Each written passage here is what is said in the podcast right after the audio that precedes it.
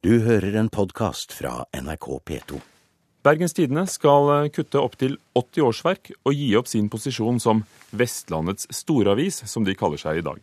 Det ble klart på et allmøte i avisen i formiddag. Tungt, trist og provoserende, mener klubbleder Arild Berg-Karlsen. Det er en tung dag, en vanskelig dag. Det er klart det er, det er tøft å få vite at én uh, av fire i redaksjonen ikke har uh, jobb lenger om relativt kort tid. Lederen i Bergens Tidenes redaksjonsklubb, Arild Berg-Karlsen, måtte samle seg etter allmøtet i avisa i formiddag. Her fikk de ansatte beskjeden om at én av fire må gå de neste fire årene.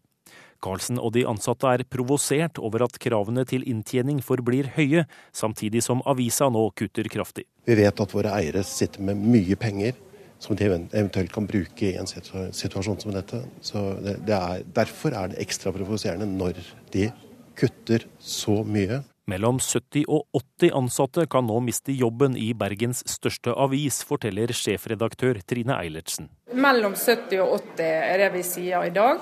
Og så sier vi vi skal jobbe for å få ned det tallet, og vi har tro på at vi skal få ned det tallet. Likevel innser hun at avisa ikke blir den samme etter dette. Det kommer til å merkes på produktet ut i løypen. Da må vi diskutere antall rygger i BT, vi må se på det. Og det jeg kan si, det er at Søndagsavisen overlever, men den kommer til å bli veldig forandret.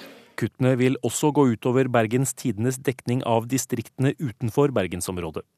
I går ble det kjent at avisa vil legge ned lokalkontorene sine på Stord og i Førde. Bergens Tidende er en regionavis, men jeg syns det er feil å si at det er for hele, hele det vi kalte før Vestlandets storavis. Det er ikke BT sånn som det var. Det må vi være ærlige om. Allerede i august fikk de ansatte i Bergens Tidende beskjed om at det må spares mellom 100 og 150 millioner kroner innen 2015. Dette som en del av Skipsted-konsernets spareplaner, som også fører til kraftige kutt i Aftenposten, Stavanger Aftenblad og Fedrelandsvennen.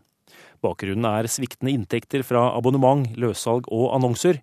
Eilertsen mener det ikke er mulig å komme utenom store kutt i en vanskelig tid for avisbransjen. Vi ser hvordan leserne flytter seg fra papirplattformen til digitale plattformer. Når vi ser hvordan inntektene flytter seg og blir mindre, så er det uunngåelig. Hvis vi skal kunne si om tre år, og fem år og ti år at BT er et seriøst mediehus som løser samfunnsoppdraget og gjør og lager skikkelig journalistikk. Klubbleder Karlsen mener på sin side at dagens kutt ikke forteller like mye om avismarkedet som det gjør om eierne av Bergens Tidende. Det forteller jo at de først og fremst er ute etter penger, og, og at det er børsen som settes høyere enn katedralen.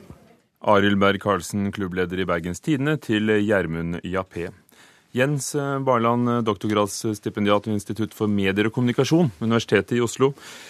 Vil kuttene være den rette oppskriften for Bergens Tidende, tror du? De kommer nok ikke unna dette i et, et eller annet tidsperspektiv.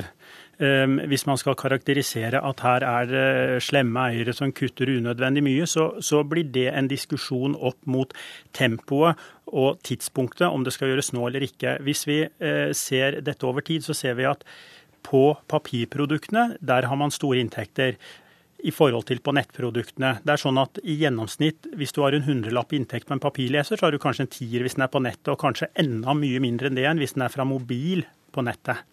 Den utviklinga, den går. Og det betyr at dette må Bergens Tidende tilpasse seg til, i hvert fall over litt tid, uansett. Hva tenker du om tempo? Er det et riktig tidspunkt for den?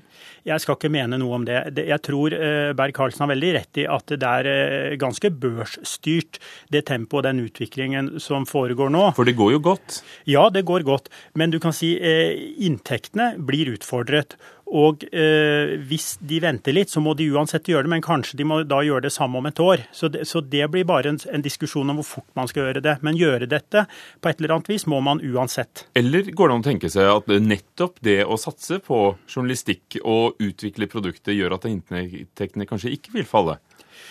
Ja, Det er jo utviklinga som er det offensive. og De har jo sagt når de skal kutte her at mye av dette skal investeres i nye digitale medier. Men enn så lenge så er inntektene i de digitale mediene brøkdeler av hva det er på papir. Så selv, Og de har jo suksess, disse avisene, på en annen måte når det gjelder å få lesere og få lesing. De har jo mer lesing enn noensinne, hvis man teller med de digitale kanalene.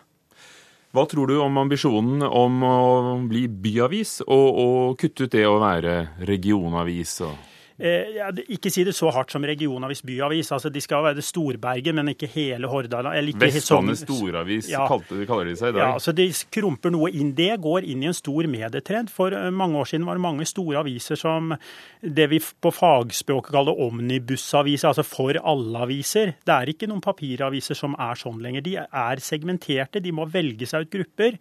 Og Dette eksempelet her er at da eh, BT greier ikke å være alt for alle på hele Vestlandet, så de velger seg ut et mindre område, kjerneområde, det som hører til Bergen, og er så gode som de greier med færre ressurser for dem.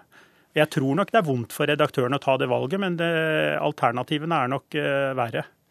Du har snakket om økonomien, men hva vil det føre til av innholdet, om det er på, på digital plattform eller på papir, eh, det at det blir færre som jobber i avisene?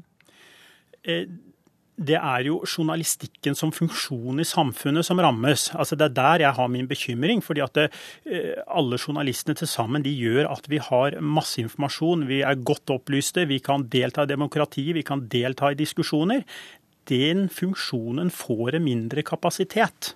Og det er eh, bekymringsverdig for den eh, utviklinga av demokratiet vårt. Men du har selv jobbet i aviser som Aftenposten og Stavanger Aftenblad i samme konsern.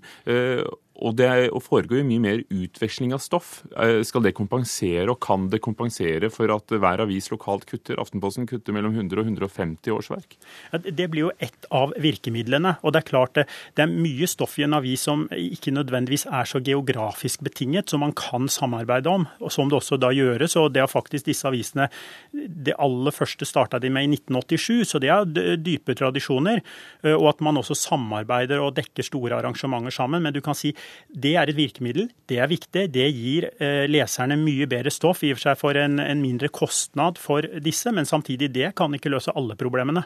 Takk skal du ha, Jens Barland, medieforsker ved Universitetet i Oslo, som kommenterte altså at Bergens Tidende kutter opp til 80 årsverk. Skipsted-konsernet skal til sammen spare 400 millioner kroner i de norske regionavisene. Du har hørt en podkast fra NRK P2.